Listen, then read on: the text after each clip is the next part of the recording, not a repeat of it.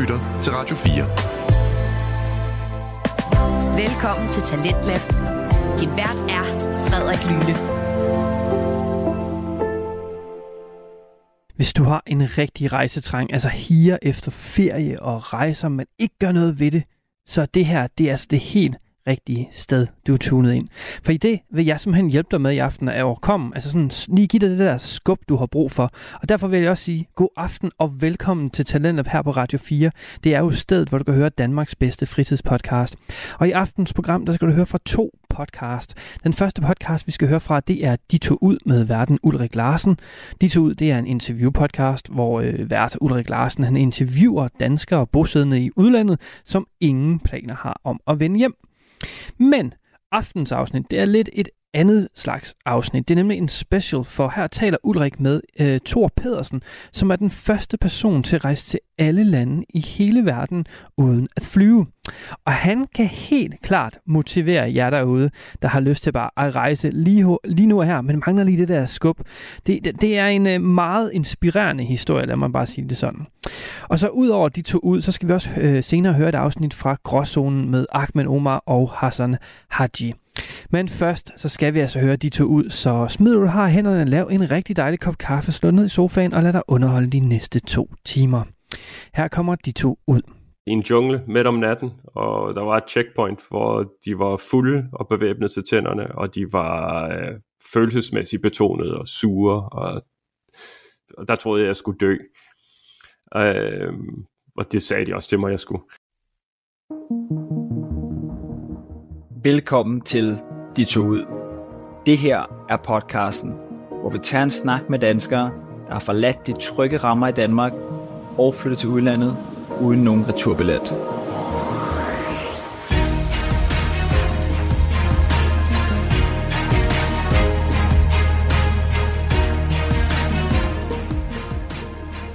Tanken om at tage ud og bo i et andet land permanent har altid fascineret mig. Og jeg har da også boet i USA, Australien og Spanien, men kun i perioder på op til halvanden år. Jeg ved ikke, om tanken er lagt helt til grunde, eller om den nogensinde bliver det. Nu vil jeg i hvert fald høre fra andre danskere, der har taget springet og ikke set sig tilbage. Jeg hedder Ulrik Larsen, og du lytter til podcasten De tog ud. Velkommen til. I denne episode skal du møde Thor Pedersen, en ekstraordinær eventyr, som netop er hjemvendt fra en rejse til alle lande i verden. 203 lande for at være helt præcis. Thor er faktisk den eneste, der nogensinde har rejst til alle verdens lande i én sammenhængende rejse, uden at flyve. Det tog om knap 10 år. Det her er den første de ud special. Jeg har længe gerne vil lave lidt forskellige special afsnit. Det lyder lidt fedt, ikke?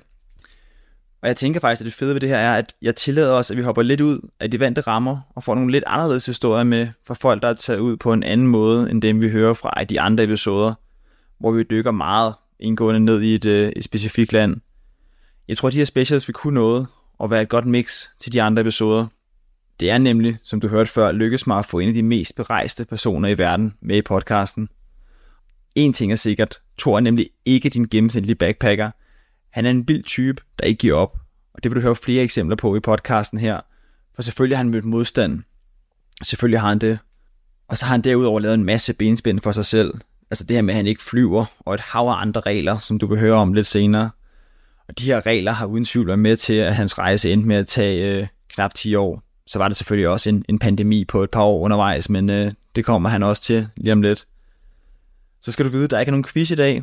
Til gengæld vil du høre segmentet rapid fire, hvor jeg skyder i øst og vest med spørgsmål, som Thor lynhurtigt skal forholde sig til.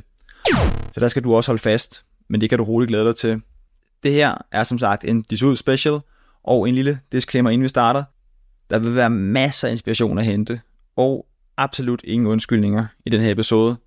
Men det er du jo vant til, og det er vel i bund og grund sådan, vi Disuder bedst kan lide det. Her kommer Thor.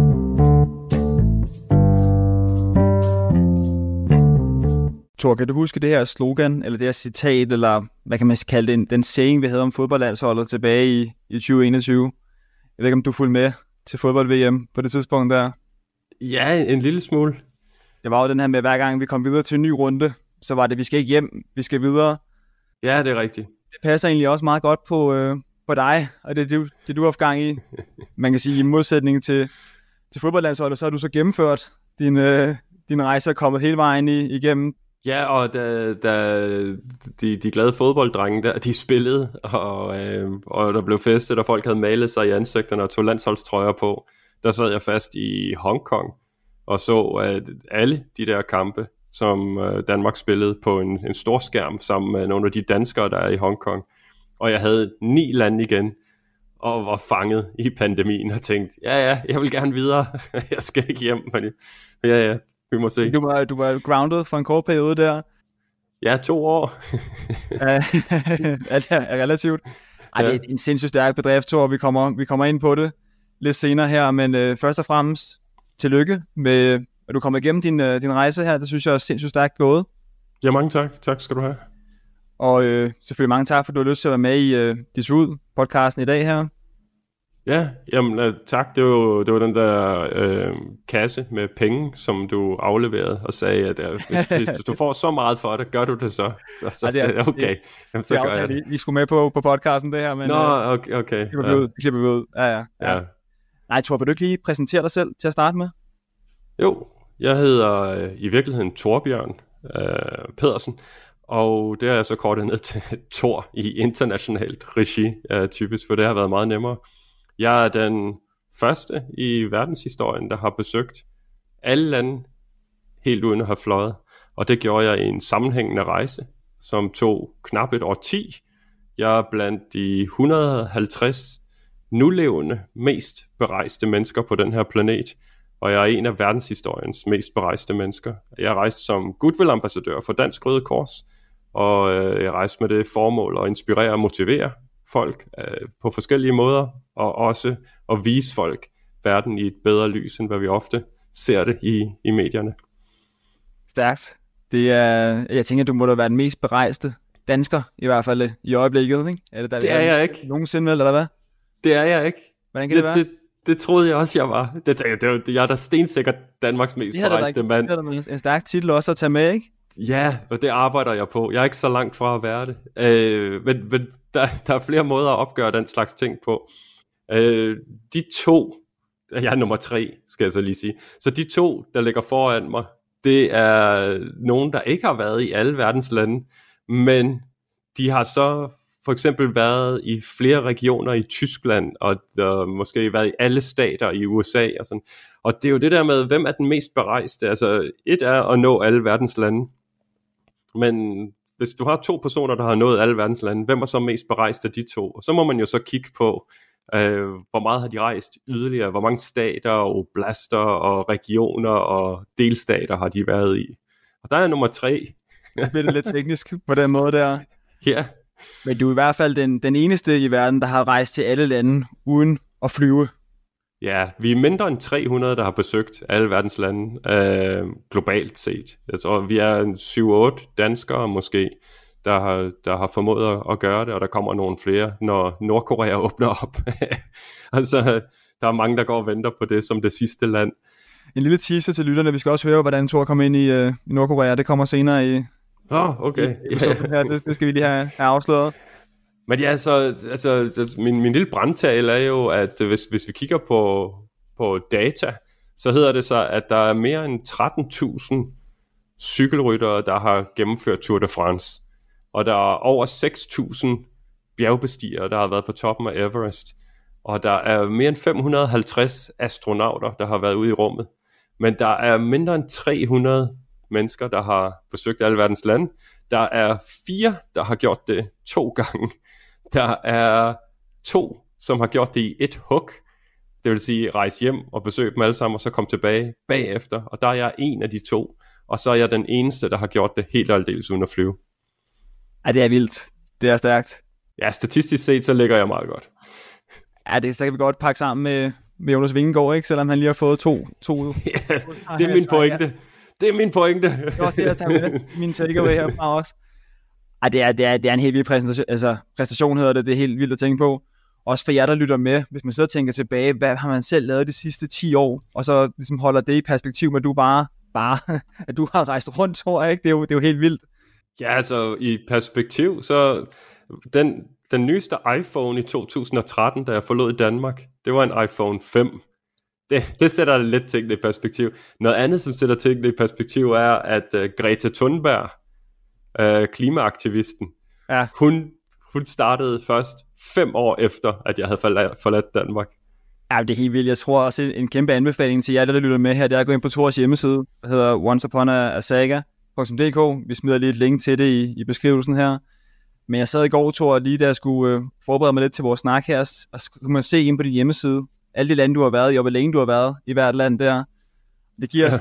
Når man tænker tilbage, i 2013, nu er jeg uddannet fysioterapeut, ikke? jeg havde 5-6 måneder tilbage på studiet på det tidspunkt, ikke? Man, man når at komme ud i, i to jobs, og så har jeg så selv boet i Australien et års tid, og Spanien halvanden år i, i mellemtiden også, ikke? Så vi ja. er ude at rejse 25% af tiden samtidig. Okay. Sige. Ja. Og det er meget godt klaret, ja. Okay, det er det. Men, øh, men hold da kæft, det er, en, det er en lang periode. Det er det virkelig. Ja, det var heller ikke tiltænkt, at det skulle tage så lang tid. Det var ikke planen. Det vil sige, nu er jeg ikke uddannet øh, journalist, som sagt, men, øh, men jeg tror for mange af os, og dem, der lytter med, der melder sig sådan to hurtige spørgsmål, når man tænker på din, øh, din rejse her, og det er jo først og fremmest, øh, hvorfor og, hvor, og hvordan. Men lad os, lad os starte lidt med, hvorfor? Ja, det, det er jo et rigtig interessant spørgsmål, det med hvorfor. Jeg har holdt en masse foredrag øh, på skoler og virksomheder og rundt omkring. Og, og noget, som jeg har observeret, det er, at hvis folk er under 20 år gammel, så spørger de aldrig nogensinde, hvorfor. Og hvis de er over ja, sådan 25, 25 30 år gammel, og, og så deroppe af, så spørger de altid, hvorfor. Og, og det har jeg jo tænkt lidt over, så, så har jeg tænkt, at, at hvis, hvis du når en vis alder i livet, så begynder man at, at spekulere lidt i, i børn og karriere og ansvar, og måske at man skal købe et hus eller en lejlighed, og at man skal betale sine regninger, og man skal være ansvarlig og bidrage til samfundet og den slags ting. Og derimod, så når du, har, når du er yngre, jamen hvis du har muligheden for at besøge alle verdens lande, flyve eller ikke flyve, så gør du det bare. Der er der ikke noget hvorfor. Det der var, selvfølgelig gør man det. Så, så jeg ved ikke, om det på en eller anden måde besvarer, hvorfor. Nej, men det er sådan lidt mod, modsat, altså som jeg også, det synes jeg skulle en fed uh, attitude, fedt, fedt svar, men det er jo også det her, som jeg hører, du siger det, det er lidt, hvorfor ikke? Ja, lige nøjagtigt. Hvorfor ikke? Men altså, så har jeg jo haft noget tid til at, at, at reflektere lidt på, hvad var meningen med at gøre det helt og aldeles uden at flyve? Hvorfor var det vigtigt som en, en bedrift? Og det eneste, jeg nu i min med mine 44 år her i livet kan komme frem til, er, at jeg tror, de fleste vil være i stand til at indse, at hvis det drejer sig om alle verdens lande og uden at flyve, så er det, er det rigtig meget arbejde. Altså det, det, det er en ret voldsom pakke. Det er en kæmpe, kæmpe opgave. Og dertil så er det besværligt. Det er virkelig, virkelig besværligt. Det er så meget lettere at flyve til Fiji, end det er at sikre sig et skib til Fiji, for eksempel. Øh, og det samme, når du skal krydse mellem Europa og Nordamerika osv. Så, videre. så måske er det vigtige i det, at det var stort, og det var svært. Fedt. Ej, det, det, er sgu, øh, det er stærkt, og det er, det, er, det er helt vildt. Et andet hvorfor spørgsmål, hvorfor ikke, øh, hvorfor ikke flyve? Var det det her med at være den første, der gjorde noget, som ingen andre havde gjort?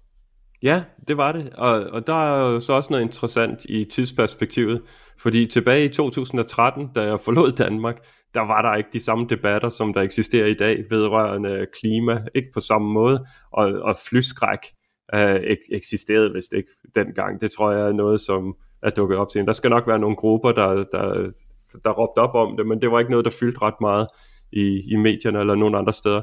Så de første interviews, jeg fik, øh, hvor det direkte handlede om klima, og hvor folk antog, at årsagen til, at jeg fløj, det må være for at bevare klimaet, eller at forsøge at bevise et eller andet i forhold til at være bæredygtig. Det var i 2015, altså to år efter, at jeg havde forladt Danmark. Og jeg kigger tilbage på projektet og er meget stolt af, at det er så klimavenligt, som det er. Øh, men, men det var ikke pointen med projektet. Det synes jeg også er en god pointe. Også som du siger, at Greta Thunberg kom frem, altså forskellige år efter du starter med at, at tage afsted her. Og det er så kommet lidt op i tiden, kan man roligt sige. Efter, jeg, jeg, jeg sad også lige efter det, må indrømme, da, da du, fordi du har meget fokus på, at det er uden at flyve. og det, det giver jo mening, fordi du er den første, der gør det på den her måde, men jeg sad også, da jeg så den hjemmeside, og sad og ventede på, at der kom det her med klima og, og de andre ting der.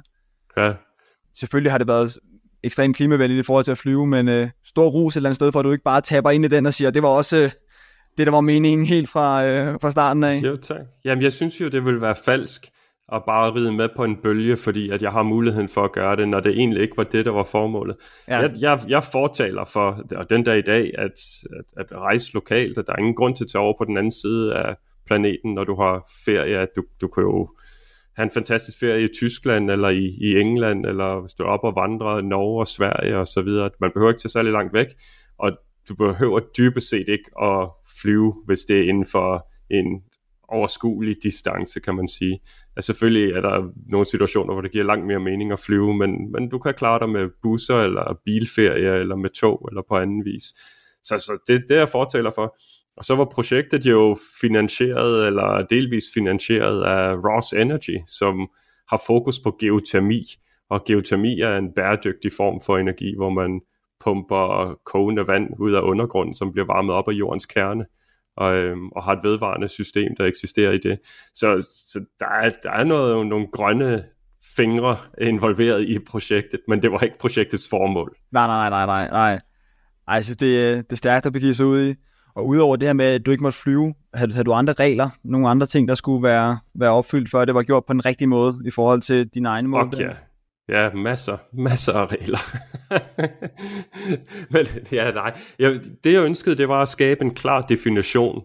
For når jeg kom hjem, øh, når man sidder i en eller anden debat med en eller anden, om det var blevet gjort, om det så var blevet gjort rigtigt. Og hvad vil det sige at besøge alle verdens lande uden at flyve? Jamen, som udgangspunkt, så skal man jo ikke flyve. Altså, hvis, hvis du er ude at flyve på et eller andet tidspunkt, så må man jo sige, så har du nok ikke gjort det uden at flyve. Så det var regel nummer et. Absolut ingen form for, for flyvning, helikopter eller luftballon eller noget som helst. Så en anden regel var, at det skulle være minimum 24 timer i hvert land, som ikke er svært at overholde. Det er jo, altså det er jo, det er jo nærmest den anden vej. Ikke? Men som udgangspunkt 24 timer, det må være en tilstrækkelig grænse for at kunne sige, at ah, jeg har altså været i det land. Hvis man har været der i 15 minutter eller et par timer, jamen altså for mig så betyder det ikke noget. Altså, du kan for min skyld bare sætte din fod hen over grænsen og så stikke af. Men jeg tror, at de fleste, de vil, de vil være med på den, hvis du siger, jeg har været der 24 timer, du kan ikke komme og sige, at jeg ikke har været der. Så 24 timer, og den sidste regel har så været, at jeg måtte ikke vende hjem til Danmark, før jeg nåede det sidste land. Eller hvis jeg opgav projektet, så kan jeg selvfølgelig afbryde det hele. Og det er den årsag, at jeg skulle ikke komme hjem og så have en debat omkring, var det en rejse, eller var det to rejser, eller var det fem rejser, der ligesom blev stykket sammen det var bare en rejse, så jeg forlod Danmark, besøgte alle verdens lande, tilbragte mere end 24 timer i hvert land, og så kom jeg hjem bagefter. Så i et, tilløbsstykke, så har der været nogle små regler, som øh, at mit budget har været 20 dollar per dag, som er omkring 140 kroner eller sådan noget per dag, som har dækket øh, transport og kost og logi og min visum, som et gennemsnit. Så har der været en regel om øh, ikke at betale nogen som helst form for korruption øh, nogen som helst steder i verden, og det har jeg så heller ikke gjort. Øh, og jeg kunne nok have kommet hurtigere hjem, hvis jeg havde, hvis jeg havde, hvis jeg havde betalt lidt under bordet hister her ved forskellige grænser og checkpoints og sådan noget, men det ville jeg bare ikke. Øh, men det var ikke en hård regel på samme måde, men jeg er glad for, at jeg kom i mål med den. Så har jeg ikke spist på McDonald's under øh, hele projektet. Og, og det kom så af, at jeg øh, forlod Danmark og så besøgte en række lande, og så var det bare sådan en ting, jeg sagde som et eksempel. Jeg sagde, jamen jeg, jeg har jo ikke fået spist på McDonald's, jeg vil prøve den, den lokale mad, ikke? eller hvis der er lo- lokal fast food, så vil jeg da langt hellere prøve det, men det, altså McDonald's kan man da få alle vejen, og det kan du da i den grad få i Danmark, så jeg skulle prøve noget andet. Og så på et tidspunkt var der gået flere år uden McDonald's, og, og så er jeg bare holdt ved. var, det ikke, var det ikke sværere nogen steder end andre steder at undgå uh, McDonald's? I, jo, i den grad. Altså McDonald's er jo for det første billigt, og, øh, og, det, og det mætter jo, altså i hvert fald på kort sigt. Øh, og så nogle gange så er jeg jo så ankommet med en bus på en eller anden tankstation et sted ude i ødemarken, og, og, og så har der ikke været andet. Så der var en McDonald's og tankstationen, og, og så var det ligesom det. Og jeg var sulten. Og så står man der og gør op med sig selv og med sine dogmer og tænker, okay, hvor vigtigt er det i virkeligheden? Så må man springe et måltid over. Ej, det er ret vildt. Det er det, og det er jo også de, de steder, man ser i hele verden, kunne jeg forestille mig. Er, er der andre kæder, du har set i, i hele verden på den måde der? Ja, ja, altså verden er jo, altså mange gange så er det jo, mange gange så er det jo de her forskellige genkendelige ting, der bringer en eller anden form for status til et land. Så jeg har været rundt og, og møde en masse mennesker, og i nogle af de lande, som ikke står så, så stærkt økonomisk, når jeg møder folk der, så er de meget stolte af at have et, øh, et, et, et, et stort et indkøbscenter, sådan et stort indkøbscenter, sådan en mall. Øh, og så vil de vise mig det, ikke? Altså, kom ind og se det her, og det blev opført sidste år, eller det blev opført for tre år siden, og sådan noget. Sådan en har vi også i vores land, og den slags ting. Men ja, du ser jo de samme kæder. Du ser McDonald's og Burger King, og du ser Kentucky Fried Chicken, og, og jeg skal komme efter det. Du ser jo Coca-Cola og Pepsi, og faktisk Færøerne, som jeg talte med som et land, der er jo oppe i Færøerne, der havde de jo en, øh, og det har de i den dag i dag, de har en sportmaster. Og, ja. og, og, og du skal tænke på, at de er jo ikke meget mere end, end 50.000 mennesker i, øh, i Færøerne. Øh, så, så, så det er alligevel, altså, jeg ved ikke, hvor mange byer i Danmark på 50.000, der kan trække og have en sportmaster. Nej, det er da lige på kanten af. Jeg, jeg bor i Hørsholm her, og den er da ved at lukke. Hvad, hvad, hvad er nu? Vi har den stadig nede i. ja, lige nok. Ja, men, men det, der, det var altså meget rigtigt. Men det giver sådan lidt status at, at kunne sige, at nu er vi nået det niveau. Jeg arbejdede i Bangladesh igennem 2011, hvilket var et par år før det her projekt. Og, øh, og udviklingen i Bangladesh på det tidspunkt, det var sådan, at vi gik og talte indbyrdes, at de, de, de når aldrig et niveau, hvor, der, hvor de kan have en McDonald's, eller hvor den slags ting kan åbne op. Altså standarderne er bare ikke høje nok til det. Og så var jeg jo så igennem Bangladesh i 2017-18 stykker, eller sådan noget den stil. Og der har bare været en rivende udvikling. Og, og jeg tror nok, de havde en McDonald's, og de havde også nogle andre ting, Pizza Hut og så videre. Man også se Afrika, der ruller de også med, med Starbucks og, og McDonald's i, i stort set alle lande der. Ja, ja. Så, altså, det, altså, det er jo det er jo en verden med, med smartphones, og den dag i dag er det jo TikTok og TikTok-dans og den slags ting, og klubber og pizzerier og kebaber, og ja. altså det, som folk kan lide. Der er jo mange ting i den her podcast, også til jer, der lytter med. Vi har jo haft uh, gæster med, som har bosat sig fast i alt fra Brasilien til Sydafrika og alle mulige lande, der er meget tættere på her, ikke Norge, Frankrig og, og Spanien osv. Men det er jo en, en podcast, der er bygget lidt på fordommen, det her også, Thor, så det kan godt være, at du skal aflive nogle af dem, kunne jeg forestille mig. Der kommer måske lidt i, i øst og vest undervejs, her, yeah. man oplever, når man kommer ud i den virkelige verden, ikke? når man ikke bare sidder bag computeren.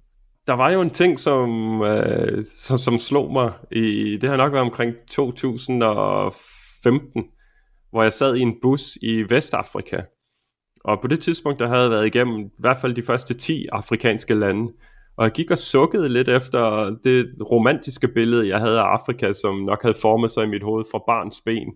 Med noget meget grønt og natur og vilde dyr, nogle giraffer, nogle elefanter og, og folk i farverige uh, dragter. Og ja, jeg, jeg, jeg havde set en masse asfalterede veje, og jeg har set nogle store byer, og der var, som vi lige talte om, McDonald's og den slags ting og så videre. Jeg tænkte, altså, verden har udviklet sig, der, der er sket rigtig meget, og, og hvor det der, det der billede, jeg havde, det rigtige Afrika, sådan i gåseøjne, ja. det rigtige Afrika, hvor, hvor pokker det henad?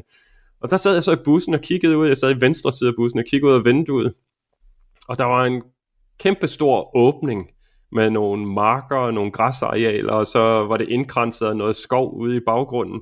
Og så var der nok en 5, 6, 7, 8 øh, lærhytter med, med stråtag, de her runde lærhytter, som man, som man kender fra ja, mange steder i verden, men især fra mange afrikanske lande også. Og øh, der var ikke nogen biler, og der var heller ikke nogen cykler, og der var ikke nogen knaller der eller noget som helst, så det, det så meget simpelt ud, og, og det begyndte sådan lidt at være det der, det, det rigtige Afrika igen i gåseøjne. Og, øh, og der stod en kvinde i en meget farverig dragt, med en hakke af en eller anden art, eller en, en skov, eller sådan. Hun stod og arbejdede ude i, i marken. Og jeg stod og kiggede på hende og tænkte, ved du hvad, det her det er næsten perfekt, hvis vi lige kunne placere et par giraffer, altså, og, og, en, og en øh, løve måske, så, øh, så var det det rigtige Afrika. Og så, så mens bussen kørte forbi hende, der stod og arbejdede ude i marken, og jeg stod og observerede på det her, synes egentlig, det var meget smukt og meget fredsomligt og, og romantisk i sin, egen, i sin egen form. Så stopper hun op med at arbejde, og så stikker hun hendes arm ind under hendes klædedragt, og så trækker hun en smartphone frem, frem og tager en selfie, mens hun står der ude i marken. Og så ved man bare, at okay, altså den, den der verden, vi er blevet præsenteret for, der, for, for mange år siden, som vi stadigvæk tror eksisterer i dag, den, den er forsvunden. Altså, det, altså du, du kunne have folk, der kommer til Danmark og siger, hvor er alle hesten? Vi har troet i, i hvor stadigvæk hestevogne, sådan noget, hvis de har set Matador eller et eller andet. Ikke? Jeg har sgu egentlig, jeg har faktisk hørt engang en, øh, en amerikaner, der kommer og spurgte, hvor vi, øh, om vi også havde lige så mange problemer med de her vikingereservater, som de havde med indianerne og sådan noget. ja, ja store, store problemer med det. Ja, de, øh, det er det godt nok stadig, ja. Jamen, det, det synes jeg er stærke sager.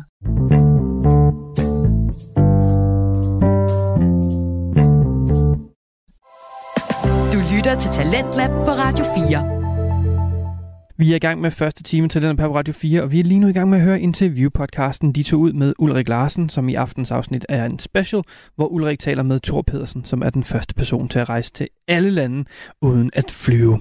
Og vi skal nu høre om, hvordan Thor han har haft råd til at rejse i så mange år. Noget, som jeg ved, at mange nok gerne vil høre svaret på. Lad os vende tilbage til podcasten. Her kommer De to ud. En, en anden ting, der så melder sig, jeg tror også mange af lytterne sidder og river sig i håret nu, hvordan kan det lade sig gøre det her? Du var lidt inde på, at der var et rimelig skarpt budget på 20 dollar per dag. Ja. Der var noget, noget sponsorer, men hvordan, øh, hvordan helvede, undskyld, vi, vi banner her, kan man, kan man være på faren så længe der økonomisk? Har du opsparet ja. flere øh, årtier inden, eller hvad er forklaringen her, Thor? Nej, mit, mit udgangspunkt var, jeg brugte cirka 10 måneder på at, at organisere og planlægge projektet, inden jeg forlod Danmark, og fik en masse ting på plads, rejseruten og budgettet, og øh, hvor lang tid jeg i gennemsnit skulle bruge per land, så hvor lang tid jeg troede projektet ville tage, hvilket var fire år baseret på syv dage per land. Øh, og så var jeg ude og kigge på, hvilke værdier, hvilke partnere, og så var en forudsætning for, at jeg overhovedet ville gøre det, at der var nogen, der ville betale for det. Jeg øh, var 34 år gammel tilbage i 2013, og tænkte, at det ville tage fire år, og havde ingen interesse i at komme tilbage som 38-årig og være forgældet. Øh, og, og vi mente i øvrigt, og jeg siger vi, fordi der var nogle venner, der hjalp mig, en Christina og Part og Søren.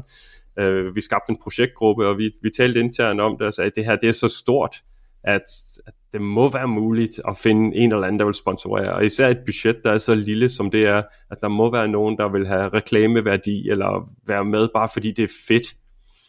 Og der fandt vi så ud af at få Ross Energy med ombord, så det var, det var rigtig, rigtig fedt. Øhm, og, og de var jo så ombord i, i, i forbindelse med et projekt, der skulle tage fire år. Men i 2015, der var markedssituationen i Danmark, den, den havde ændret sig lidt. Og øh, Ross Energy, de stod ikke lige så stærkt, som de gjorde i 2013, så de må trække det finansielle, og så bare støtte mig øh, moralsk, kan man sige. Ja. Øh, og så, så stod jeg lidt der, og der var jeg i Centralafrika, og der brugte jeg så øh, de penge, som jeg havde på min bankkonto, det var, jeg havde sparet op igennem øh, mit, mit voksenliv. Og så på et tidspunkt var det væk, så tog jeg et lån, og øh, da det var væk, så tog jeg et lån mere, og da det var ved at være væk, så fik jeg startet en crowdfunding-kampagne, og der havde jeg øh, nogle tusind følgere på det tidspunkt, og, og de var meget gavmilde. Så vi rejste nogle penge, og det kunne jeg så fortsætte for i noget tid. Og så fik jeg sådan drøbvis nogle donationer fra folk undervejs, så jeg skrev nogle artikler, og jeg holdt nogle foredrag, og jeg sådan skrabede mig igennem det.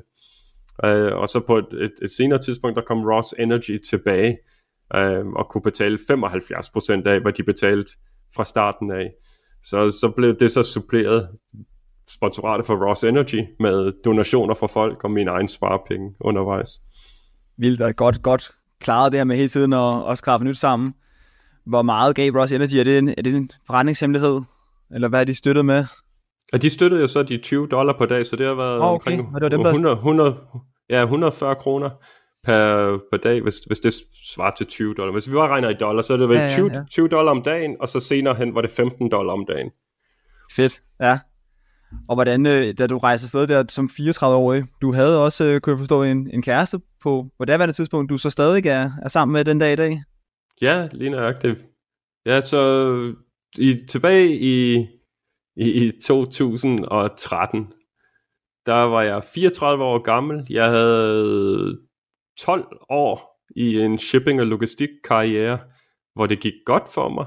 Jeg havde mødt en fantastisk kvinde, som øh, jeg gik og holdt hånd med, og øh, jeg havde lige købt en lejlighed for bankens penge øh, et, et sted i København. Og der var intet i kortene, der, der, der ligesom tegnede på, at nu skulle jeg forlade det hele og, og ud og besøge alle verdens lande uden at flyve. De fleste af mine venner på det tidspunkt, de havde allerede deres første barn. Der var mange, der ventede nummer to, og dem, der havde hus, havde nok også en bil i, ude foran, og, og en pension, der skulle betales til, og så videre, og så videre, og så videre. Øh, ja, så, så der var intet, der pegede på, at, at jeg skulle i gang med, med det her, men, men, men det skulle jeg jo så, efter at øh, jeg fandt ud af, at det var noget, der ikke var blevet gjort, og jeg blev inspireret af det. Min øh, kæreste fra den gang øh, var jeg på knæ for på toppen af Mount Kenya, og øh, præsenterede hende for en ring, og et, gav hende et spørgsmål, og hun svarede ja. Og så var vi forlovet, og så senere hen, så blev vi gift online, fordi det var den mulighed, der var til rådighed dengang uh, pandemien brød ud, og jeg sad fast i Hongkong, og hun var i Danmark. Men det var så for at og besøge dig i Hongkong, så skulle man være, øh, være gift, eller hvordan? Ja, så Hongkong var, var virkelig lukket ned. Øh, Danmark var i den bløde ende af alting, og så Danmark var i øvrigt det land i verden, som kom først ud af pandemien. Det, det første land, der åbnede op og sagde, at vi, vi anerkender, at, at pandemien stadigvæk er i gang, men at vi er stærke nok, og vores sundhedsvæsen kan håndtere det, og nu åbner vi op, og nu kører vi videre. Danmark var nummer et. Jeg var ude i den del af verden, der var nummer chok. Altså Stillehavsøerne, de var de sidste lande til at åbne op, også fordi de ikke nødvendigvis troede på, at de havde den immunitet, der skulle til øh, for at kunne bekæmpe en, en virus. Men, men Hongkong i den grad i forbindelse med Kina og Nordkorea er stadig lukket den dag i dag. Så i Hongkong, der var de ligeglade med, at vi var forlovet. Øh, Hongkong stillede øh, reglerne op på den måde, at hvis jeg var resident i Hongkong, og det var jeg ikke, jeg var der bare som besøgende, og hvis vi var gift, så kunne jeg øh, ansøge om et specielt visum, og så kunne de jo så vælge, om de ville godkende det eller ej. Og hvis de godkendte det, jamen, så kunne hun jo så flyve ind til Hongkong og være på hotelkarantæne i tre uger, og efter, som vi betalte for. Og så øh, efter tre ugers hotelkarantæne, så kunne vi så være sammen. Så der var, der var ret meget besvær i forbindelse med det. Men det viste sig, at man kunne blive gift online via et agentur i Utah i USA. Oplagt. Og, øh, og det var sådan, de havde deres egen platform, men det var lidt ala Zoom eller sådan noget i den stil. og øh, hun blev gift den 19. december, og jeg blev gift den 20. december på grund af tidsforskellen. Og i mellemtiden, der fik jeg arbejde ved den danske sømandskirke i Hongkong som assistent, hvor jeg skulle sørge for at holde kontakt til de danskflade skibe og sørge for, hvad, øh, og, og ligesom at underholde dem og, og, og købe, hvad nu de end havde behov for, og hvad de manglede ude på skibene, for de kunne ikke gå i land på grund af pandemien.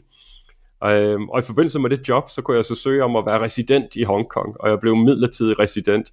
Så nu var vi gift online, og vi fik officielt papir på det, og jeg var resident, så det pressede jeg igennem i Hongkong, og det var godt nok, og så fik jeg et visum, og ja, så hotelkarantæne, og så var vi sammen igen.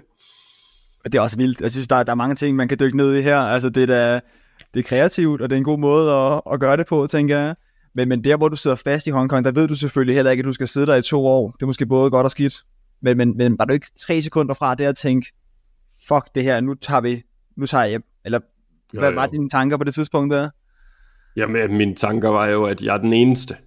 Jeg er den eneste tilbage. Alle rent globalt, der havde en eller anden ambition om at skulle nå alle verdens lande, om de så hopper på tungen, eller om de flyver, eller hvad de gør. Alle tog hjem. Ikke? Altså alle gav det noget tid, nogle uger, nogle måneder, og så tog de hjem, og så sagde de, der, der er jo intet, man kan gøre. Det er en global pandemi, grænserne er lukket, der er alle mulige restriktioner, det er helt umuligt. Alle tog hjem og jeg blev bare ved med at hænge i. Øh, jeg havde ni lande igen. Jeg havde været i gang i over seks år på det tidspunkt. Øh, nok også over syv år på det tidspunkt. Og øh, det, det var en meget svær beslutning. Det var en svær, svær beslutning omkring, hvem man er som person. Er man en person, der, der hænger i, når det bliver svært, eller er man en person, som bøjer af? Og øh, jeg vil jo helst være den, der ikke gav op. Og så, altså det med Hongkong, det var, det var jo en, en mærkelig situation, fordi jeg sad jo ikke på et eller andet gadehjørne og sultede og var ensom og alene. Jeg fik jo hurtigt bygget et liv op i Hongkong, og jeg havde et, et, en seng at sove i, og en fast base, og jeg havde omgangskreds, nogle rigtig, rigtig gode venner, som jeg mødtes med regelmæssigt. Øh, uh, Hongkong er en spændende, spændende, spændende by og region, og Hongkong består af 75% natur, og kun 25% af øh, bygninger og, og, og by og så videre, bymiljø. Så, så det nød jeg at rende op i bjergene og følge vandfaldene og gå ned i strandkanten og den slags ting. Øh, jeg havde en masse samarbejde med forskellige organisationer og så selv med deres turistministerie og, og ja, og jeg, det, det var rigtig, rigtig fint på mange områder. På en måde kan du sige, det var den, måske den bedste tid i mit liv. Ikke? Øh, men det var på den anden side også den værste tid i mit liv. Det var en, det var en hovedpine, og det, forestil dig, at du står ved et øh, lyskryds og venter på, at det skal skifte til grønt, og det bliver bare ved med at være rødt. altså, hvor lang tid er du villig til at, at vente? Eller hvor lang tid er du villig til at vente på en bus? Ikke? Altså bussen, den skulle have været der kvart over to, nu er klokken 20 minutter over to, nu er 25 minutter over to, nu er klokken halv tre. Hvor lang tid venter du på den bus? Inden, øh, og, og der var ingen, der kunne fortælle mig, om det her det ville tage øh, to uger mere, eller to år mere. Altså, det ville du få skabt sådan en, et parallelt liv nærmest, ikke? Øh, I Hongkong i, i den her periode. Ja, Ja, den stod på sit højeste, der havde jeg to lejligheder til rådighed og to biler og en indkomst. det minder næsten, det er lidt sidespor, det minder om den der film, der hedder Inception, kan du huske den? Den ja. er vel øh, til 15 år gammel, der hvor man kommer tilbage. Jeg håber, I også har, har set den, dem der lytter med, hvor man ligesom kommer tilbage, så tre drømmelag, og så går tiden langsommere, og man kan ligesom opbygge et, et nyt liv. Ja. Af, det er, der er du næsten... Jamen, det er jo det, altså, man må, det er også igen uh, eksistentielt om, ja. hvem er man som person? Er man sådan en, der sætter sig ned og surmuler og siger, det her det er helt umuligt, og det er uretfærdigt, og hvorfor er det altid sådan for, for mig? Eller kigger man på, hvad man har, og så forsøger at se, hvordan får man det bedste ud af de omstændigheder, man er i. Men hvis vi skal være helt ærlige her, øh, tænker du så ikke, at der går måske lige 6 uger, der går 7 uger. Vidste du godt jo, jo. fra starten af, det her kan tage to år? Nej, nej, nej, nej, nej. Så altså, jeg ankom ombord på et skib, og havde været offline i 12 dage, da vi ankom til Hongkong. Og jeg skulle slet ikke besøge Hongkong. Hongkong var ikke som en del af min liste. Jeg skulle til Hongkong som transit øh, i fire dage, så jeg kunne gå ombord på et andet skib og nå Palau, som var det næste land i, i rækkefølgen. Så jeg kom til Hongkong og stod op på broen sammen med kaptajnen, og kaptajnen han har en maske på, øh, eller mundbind, som I vist nok kaldte det i Danmark. Ja. Øh, og, og han rækker mig et og siger, tag det her på. Og så siger jeg, nå, hvad nu? Og så siger han, ja, der har, der har været nogle øh, meldinger om et virusudbrud i Wuhan. Og så siger jeg, hvad, hvad er Wuhan for noget? Og så siger han, det er jo så en, en by i Kina, og jeg får adgang til noget internet, og øh, så på Google Maps kan jeg se, at det ligger 1000 kilometer væk fra Hongkong. Og min første tanke er, at det er noget lokalt, det er et lokalt udbrud, og det kommer ikke til at have noget som helst med mig at gøre. Og her er vi i, i januar 2020, så det er længe før det er en pandemi. Og, øh, og det er bare, bare et lokalt udbrud. Og det med Hongkong, det var jo så, at cirka 20 år tidligere, der havde Hongkong et SARS-udbrud, hvor, hvor der var en, en del mennesker, der døde. Og Hongkong var ret forskrækket, og, og kendte jo så til det her med virus, så det var meget mystisk dengang. Men det, der skete med SARS, det var, at da sommeren kom, og temperaturen steg, så forsvandt SARS. Sådan lidt mystisk, så det kan være en tilfældighed, men, men det kunne også godt være noget med de højere temperaturer. Så det man tænkte, det var, nah, om en måneds tid, eller om to måneder, når det bliver varmere, så kan det være, at det her det også forsvinder. Så det var lidt udgangspunktet øh, dengang. Men så lige pludselig havde de jo spredt til varme lande, og så kan man jo godt se, at det varme har i hvert fald ikke noget som helst med den her virus at gøre. Og jeg havde nok været i Hongkong i et par måneder, inden at altså det var jo den tid, hvor det lige pludselig så var det i Italien, ikke? og man talte meget om Italien, ikke? og så lige pludselig så var det Sydkorea, og man talte meget om Sydkorea, ikke? og lige pludselig så New York, og, og ja. sådan, at det, det, det spredte jo sådan globalt set, og man vidste ikke, og der var forskellige varianter, og det ene og det andet. Og så øh, hamstrede vi toiletpapir i Hongkong, og, og, men det gjorde vi et par måneder før i andre gjorde det. Ikke? Så, så det var fuldstændig åndssvagt med den reaktion, og nu skal vi bare alle sammen have toiletpapir. Øh, men det var sjovt at se, at der var ikke nogen, der lærte af det. at, at der var den her forsinkede reaktion, hvor et par måneder efter, så skulle andre folk rundt omkring i verden hamstre toiletpapir af en eller anden ja, årsag. I, var de, I var de originale influencer dernede, må man sige. Ja, first movers. Ja, det må man give jer. Men øh, ja, det er også sagt også et uheldigt øh, sted at være på det tidspunkt der, ikke? I, øh, Ja, så absolut. Og så var der jo, der var den her udvikling, hvor, øh, altså på et tidspunkt, så fik den, så fik den jo et navn. Og så siger man, det her, det hedder covid-19. Så jeg, okay, okay. Og så gik der lidt tid, og så blev det så erklæret en, en global pandemi. Og så måtte jeg jo trække lidt på skulderen og sige, okay, hvor lang tid var sådan noget? Og, men, men folk må i det mindste have, have forståelse for, at jeg ikke kan bevæge mig videre, når det er en global pandemi. Altså, så er vi alle sammen i samme båd. Så der var lidt, lidt ro i mit sind i den forbindelse om, at de fleste af mine problemer er bare mine problemer. Men nu, det problem, jeg havde, det var vores allesammens problem. At, øh, ja, det ved jeg ikke, det er sådan en mærkelig måde at, at føle lidt ro i kroppen på, men det var nogle gange sådan, det var. Og, og så gik der endnu mere tid og endnu mere tid, og, og så begyndte man at tale om vacciner. Og så tror jeg, at udgangspunktet var, at okay, så snart vi har vacciner, så bliver alle folk bare vaccineret, og så er vi ud over det her. Men øh, det var selvfølgelig heller ikke en realitet. Men det var da godt, du kunne få din nygifte kone med over fra, øh, fra jeres øh, Ja, Utah online, line der. online bryllup, ja. ja. ja. ja. det synes jeg er ret fedt. Ja, lige nøjagtigt. Men så, øh, så skete der jo det, at, øh, at vi tænkte, nu er vi gift, og det her det er noget, der gælder i Utah, og i kraft af det i Utah, så er det nok hele USA, vi er gift i. Og når nu Hongkong har købt den, jamen, så er vi sikkert også gift i hele Kina. Og det er jo de to mest magtfulde lande i verden, det er USA og Kina. Ja. Så må ikke Danmark også er med på den. Men Danmark sagde, I er under ingen omstændigheder gift. Altså, I har jo ikke engang været i samme lokale. Det der, det kan I ikke bruge til noget. Det kan godt være, I er gift ude i Hongkong, men den, det, det der, det fungerer ikke i Danmark. Så da jeg langt om længe efter nogle år i Hongkong kom videre og kom rundt til nogle forskellige østater i Stillehavet, der kom hun så og besøgte mig igen i Vanuatu. Og vi blev gift øh, på en strand i Vanuatu, som er en meget smukt lille, øh, lille østat i Stillehavet.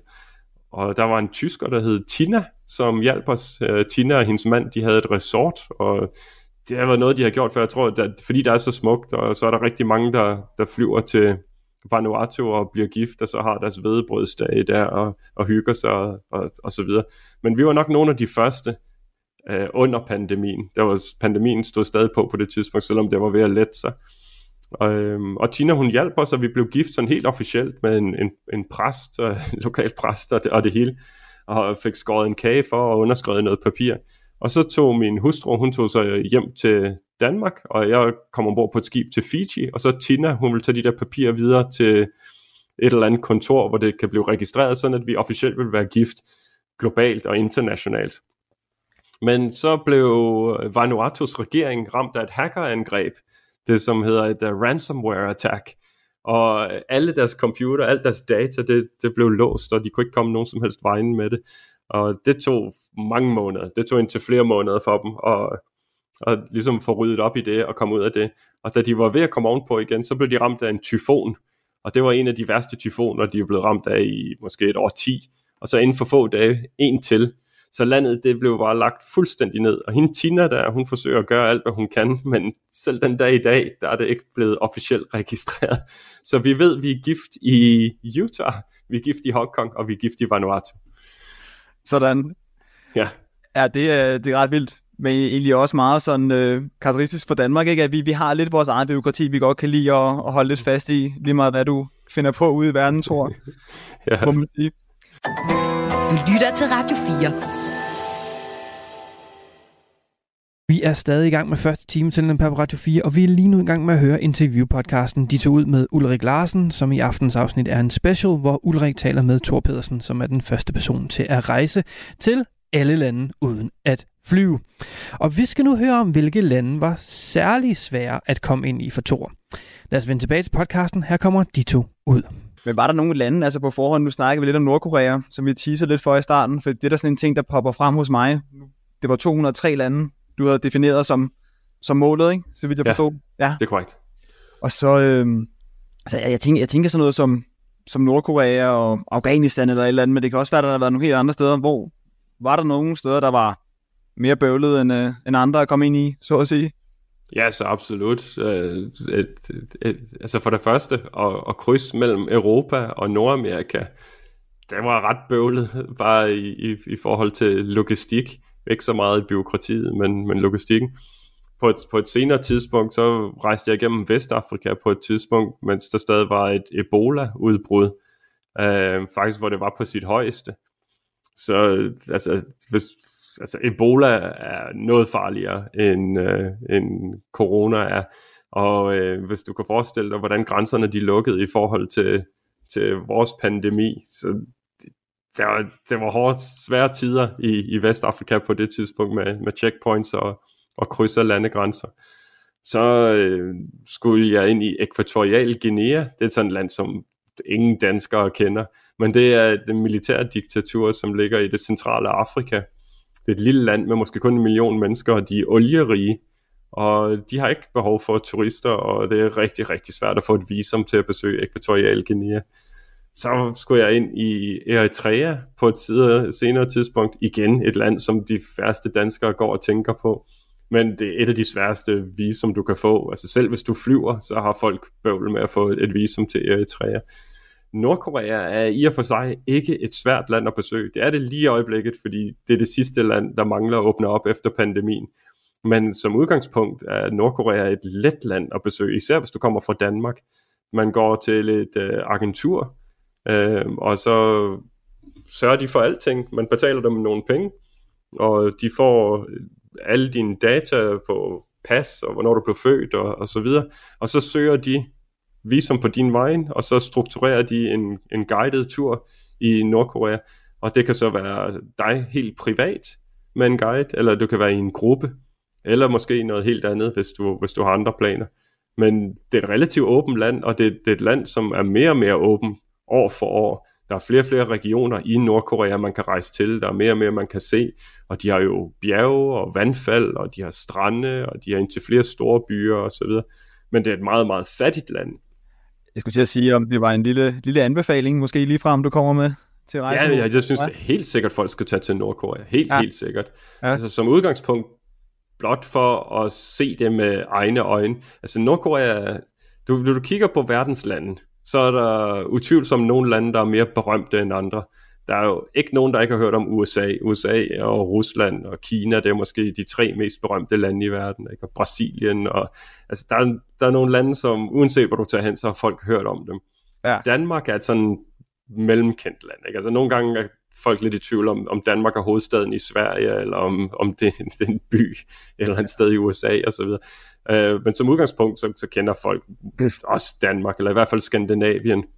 Så var der nogle af dem, jeg nævnte, altså Ekvatorial Guinea, eller Vanuatu og Tuvalu og sådan noget. Det er sådan lidt mere specifikt, altså der, der er ikke så mange, der, der kender dem, eller regionalt så kender folk dem måske. Nordkorea er berømt. Alle kender Nordkorea. Altså det, det er så sjældent, at du, du, du taler om Nordkorea, og folk siger, Nå, hvad er det for noget? Eller er det et land? Ja, ja, ja. Det, det, det ved alle. De har været gode men til branding, den, ja. ja. Ja, brandingen er i orden. Ja. Øh, men på den anden side, så folk, de aner ikke rigtig noget om Nordkorea. Der, folk har ikke besøgt Nordkorea, folk de kender ikke nogen, der har besøgt Nordkorea. Det er sådan lidt mystisk. Og alligevel så har folk som oftest et eller andet, de kan fortælle dig om Nordkorea. Og hvor de har den information, dem må guderne jo vide. Men, men det de har, som de kan fortælle om Nordkorea, det er som regel negativt, eller også så er det underligt. Ikke? Altså så er det sådan et eller andet som, at øh, har du hørt, at de, at de har kun én frisyr i Nordkorea, og, og, og alle skal have samme frisyr som Nordkoreas leder. Og så siger nej, det har jeg ikke hørt, det er fedt. Og så siger folk det videre. Det passer jo ikke, altså det er jo, det er jo Galle Mathias. Der, selvfølgelig har de ikke kun én frisyr i Nordkorea, det ville jo være fuldstændig åndssvagt. Men man er med til at tegne et sådan billede af, at Nordkorea er et, et dybt åndssvagt land, øhm, og, og, og hvor de manipulerer det ud over alle grænser. Og jeg tror ikke, de er så meget mere manipuleret, end hvad vi er i, i Danmark, for eksempel. Altså, som udgangspunkt kan vi jo ikke lide at, at, at høre, at vi skulle være manipuleret i Danmark. Selvfølgelig er vi ikke det. Vi er fritænkende mennesker, og vi har adgang til al den information, vi vil. Men man kan jo bare mærke, at, at, at danskerne støtter op omkring USA i de år, hvor de har en præsident, der er demokrat, kontra de år, hvor USA har en præsident, der er republikaner. Og alle vores medier i Danmark, de tegner demokraterne positivt, og republikanerne negativt. Og hvis Ja, ja, ja, det ikke er at blive manipuleret, så, så ved jeg jo altså ikke hvad. Så min anbefaling er at tage ind i Nordkorea, og så se det med egne øjne. Og, øh, og, og, og så ikke tro på, at du kun får lov til at se det, de gerne vil vise dig. Du får lov til at se meget mere. At det, det, det er et fattigt land, og det kan de slet, slet ikke skjule. Det, det, jeg har rejst 300 km, mere end 300 km i løbet af fem dage i, i Nordkorea. Og ja, altså de har jo en masse prestigeprojekter, som et eller andet tårn, eller en eller anden statue, eller et øh, gravmonument, eller et museum, eller et hotel, eller sådan noget, hvor de har kastet en masse, masse penge efter det. Og det tager de der selvfølgelig hen, og så får du lov til at se det. Men du ser også det, der er imellem de bygninger. Og, øh, og det er jo måske det rigtige i Nordkorea. Ja, det var det land, du faktisk var i en længere periode, ikke? Jeg kunne se inde på din hjemmeside der, at, øh, at det ligner, du var der i 14 dage. Ja, nej, så, så, så det snyder lidt, når du kigger på hjemmesiden, fordi det, du kan se på landelisten i hjemmesiden, det er den dato, jeg ankommer til et land. Ja. Og så kan du se datoen, når jeg ankommer til det næste land. Okay. Men i det her eksempel, så tog jeg fra Kina til Nordkorea, så tog jeg retur til Kina, så registrerer jeg jo ikke Kina en gang til, Nej. for der har jeg været en gang. Så rejser jeg rundt i Kina for at komme med en færge til Sydkorea. Så på min liste, der ser det ud som om, jeg er taget direkte fra Nordkorea til Sydkorea, og det er umuligt, det kan ikke lade sig gøre. okay. Øh, Ej, det er for så meget energi der imellem. listen den angiver, hvornår jeg ankommer til et land, den angiver ikke, hvornår jeg forlader landet. God forklaring, ja. Og der har selvfølgelig været meget af det her uh, transferlande, ikke frem og tilbage, hvor du så har været før. Ja, i den grad. Der er rigtig mange lande, jeg har været i to gange, eller tre gange. Der er nogle lande, jeg har været i seks eller syv gange. Jamen, kæmpe opfordring til lytterne til at lige gå ind og kigge på din liste der. Det er også det er sjovt at se øh, starten der, hvordan du bare pløjer igennem Europa på en dag, og så begynder det at gå lidt langsommere Det- senere hen der med så to år stop i, i Hongkong her. Det er lidt nemmere i Europa. Jamen, det, jeg synes, det er vildt inspirerende. Det håber jeg også, at folk kan tage med, der lytter, der lytter til podcasten her. Det er jo, der er jo mange, der sidder derude og drømmer om, måske ikke at rejse hele verden rundt, men at tage ud og prøve at bo i et andet land også. Og det er jo mange gange det her med, jamen, det passer ikke så godt, og man skal lige spare lidt sammen, og man har mange sådan undskyldninger hele tiden for at udskyde tingene. Ja. Og man, man vil bare møde modgang, ikke? Og, og det er ikke noget, man nødvendigvis skal lade sig stoppe af, synes jeg, at din historie klart er et, øh, et billede på i hvert fald.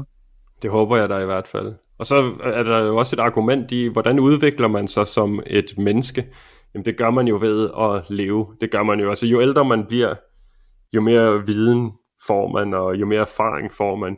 Og, og det er jo derfor, at, at en 15-årig, eller en 20-årig, eller en 40-årig, eller, og deropad, kan, kan, kan vinde over en 5-årig i langt de fleste tilfælde, har langt de fleste debatter, fordi at du, du ophober en masse livserfaring. Øh, men hvad er livserfaring i virkeligheden? Jamen det er jo, det er jo, det er jo hvad du begiver dig ud i, det er de samtaler, du har, det er de ting, det, du ser, det er de tanker, du gør dig. Og hvis du er i den samme kasse hver evig eneste dag, hvis du sidder i den samme bus, eller den samme tog, eller den samme bil, og tager ud på den samme arbejdsplads, og handler i det samme supermarked, og ser de samme tv-programmer, og film, der ikke rigtig adskiller sig fra hinanden, og, og så videre, så videre, jamen så, så bremses din udvikling nok i en eller anden grad. Der vil stadigvæk være en udvikling, men det går ikke lige så stærkt, som hvis du kaster dig ud i noget, som du har ingen erfaring med, eller noget, som er helt anderledes fra det, du er vant til. Og det vil du typisk få, når du forlader dit område. Så det kunne være at tage over til en naboby, eller tage, hvis du bor i København, så tage til Jylland. Ja, ja, der er nok. Er nok. Men altså, du, du, kan jo også, du kan jo også tage til et fremmed land, og øh, når du tager til et fremmed land, så er der jo mange ting, der skifter. Det kan jo være sproget og møntfoden, og det kan jo være kulturen, det kan jo være, hvad man spiser. Er det, er det okay at spise svinekød, eller er det ikke? Og, og når man giver hånd, eller gør man overhovedet det, ser man folk i øjnene. Og, altså, der er jo mange ekstremer derude. Og jo mere man ser af det, jo flere tanker kan man gøre sig. Og man kan jo så observere, at der kan være flere løsninger til øh, problemer, end hvad man lige er opmærksom på, når man bor i Danmark. At det kan være, at der er nogle problemer, vi har i Danmark, som de også har i Tyskland, men de løser det på en anden måde i Tyskland. Så kan man komme hjem og have to løsninger til samme problem. Og så udvikler du dig som person. Og, og det er der, du bliver rigere, og det er derfor, at folk de skal ud og krydse grænser og møde mennesker og have samtaler og lytte og tænke og tale.